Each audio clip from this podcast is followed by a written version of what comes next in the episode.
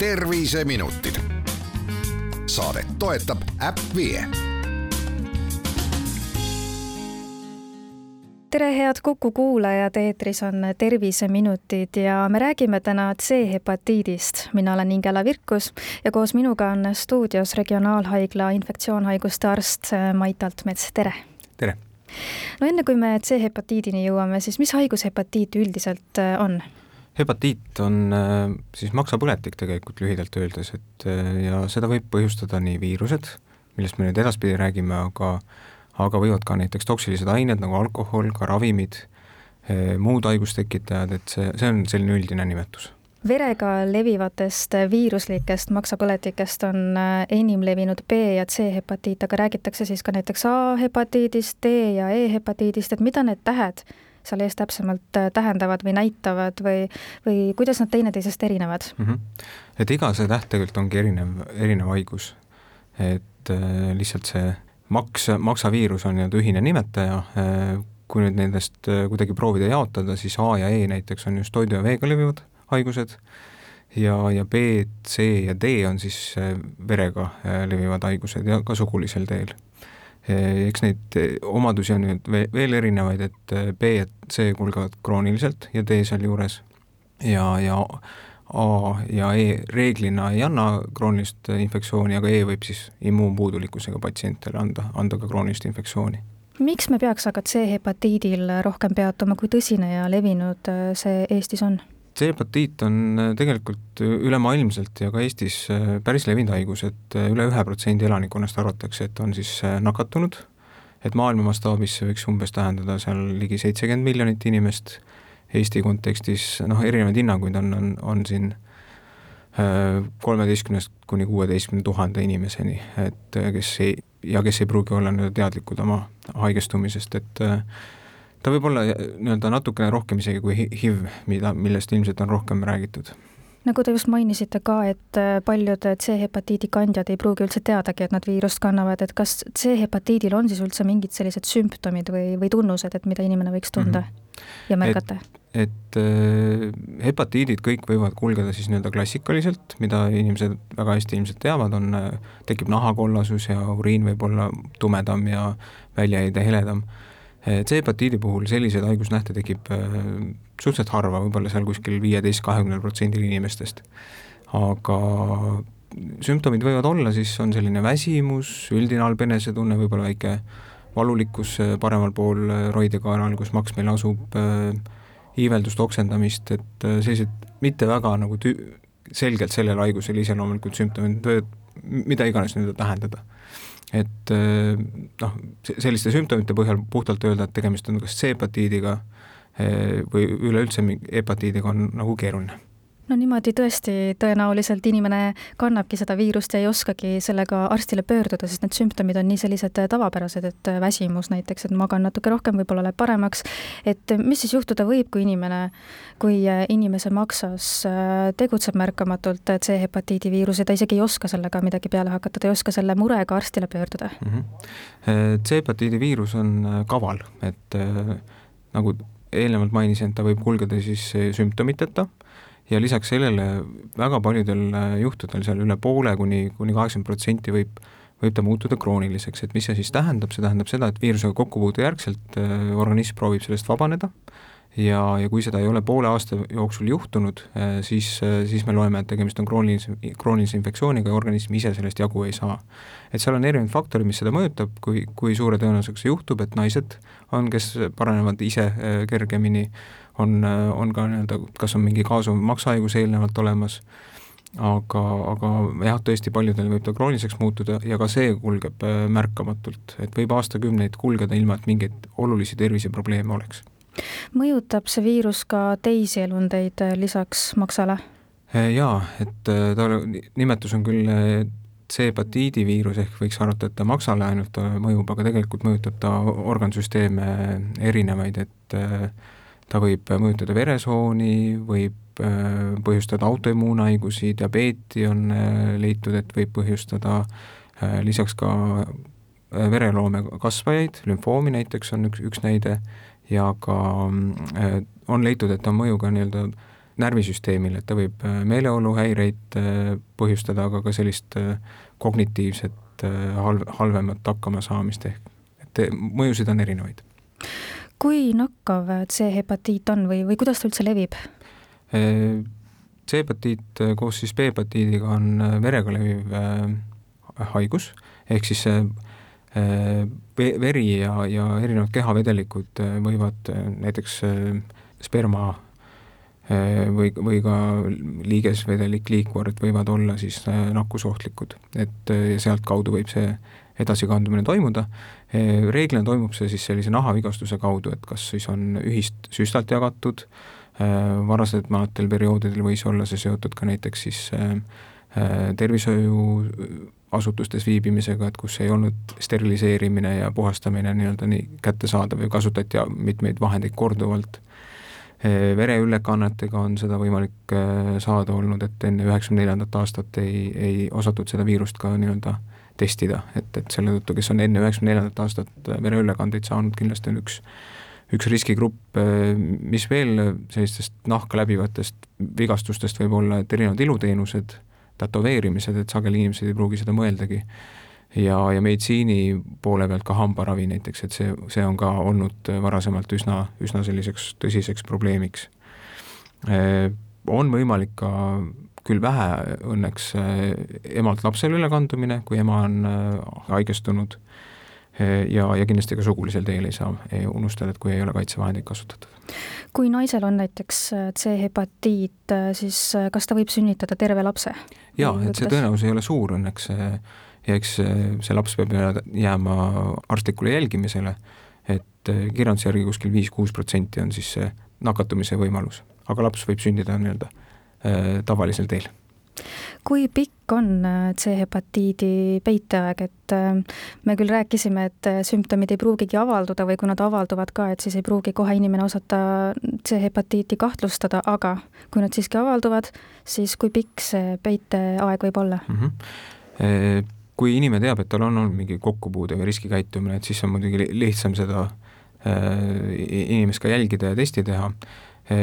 on leitud, et see peiteaeg võib olla kahest nädalast kuni poole aastani, et see võib olla tõesti väga pikk, et, et selle tõttu sageli inimesed ei teagi, kust nad selle haiguse võinud saada on, et kui ükskord see nii-öelda avastatakse.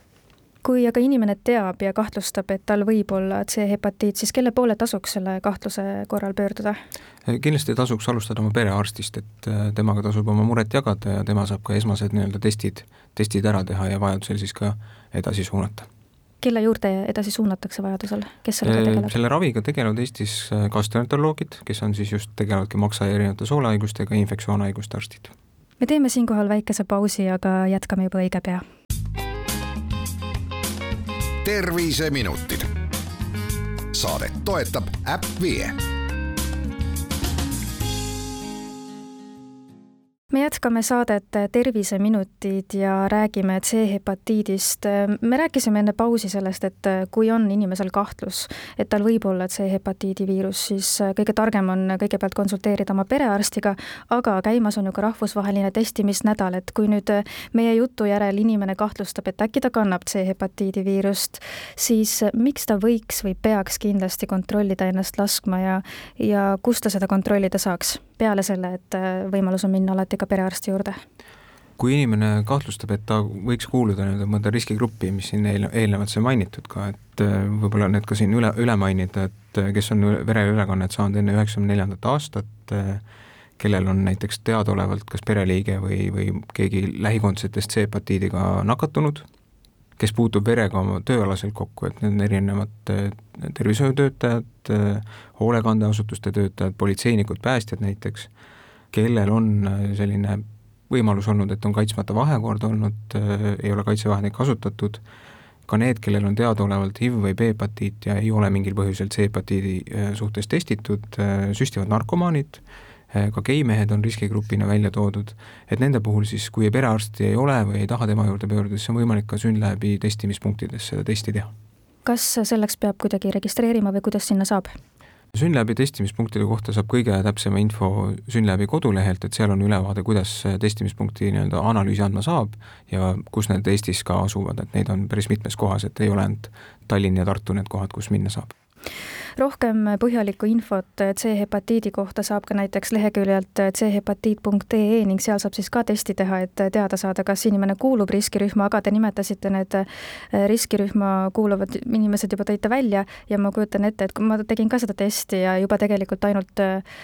kahe vastuse põhjal selguski, et ma olen riskirühmas, et tegelikult neid inimesi, kes riskirühma kuuluvad, on väga palju.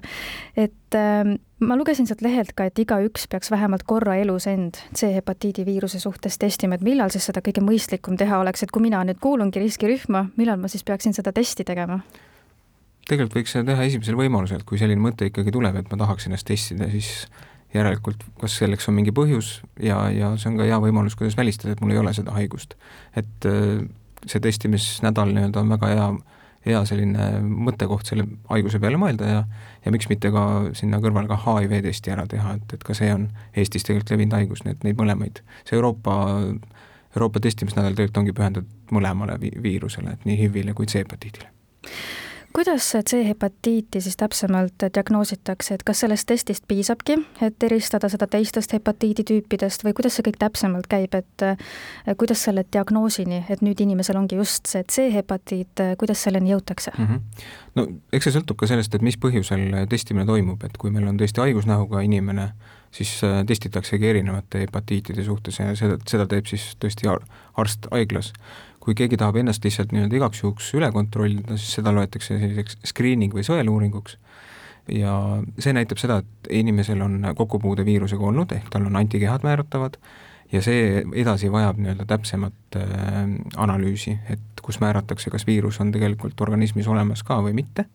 ja, ja, ja seejärel ka muud täpsemad äh,, täpsemad uuringud, mis selle haiguse ravimiseks vajalikud on et äh, puhtalt antikehade leid äh, üksinda ei tähenda, et see haigus äh, aktiivselt olemas on, sest e eelmises osas me rääkisime, et, et haigusest saab ka ise nii-öelda vabaneda või terveneda, et, et selle tõttu need antikehad võivad olla ka sellest ajast olemas seal. Kui aga inimene on haigestunud C-hepatiiti või võtame võib-olla selle perioodi, kui ta veel alles kahtlustab, diagnoosi veel ei ole, aga ta kahtlustab, ta teab, et tal on olnud kokkupuude inimesega, kellel on C-hepatiit, mida siis inimene saaks kohe ära teha, et mitte seda edasi kanda näiteks? testimise osas ma tooks siia ka veel, et kui on inimesel riskikäitumine teada, mingi konkreetne päev, et, et siis arvestades seda peiteaega, siis võib-olla esimene test ei pruugigi kohe nakatumist näidata, et seda tasub arvestada.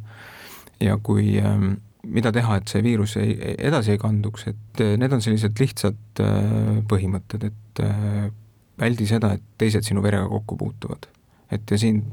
tuleks läbi mõelda needsamad levikuteed ehk siis veri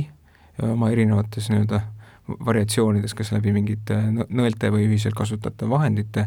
aga kodutingimustes ka näiteks noh, ilmselt see ei ole küll väga sage, aga ühise hambaharja kasutamine või, või raseerimisvahendid, et ka need võivad verega levivaid äh,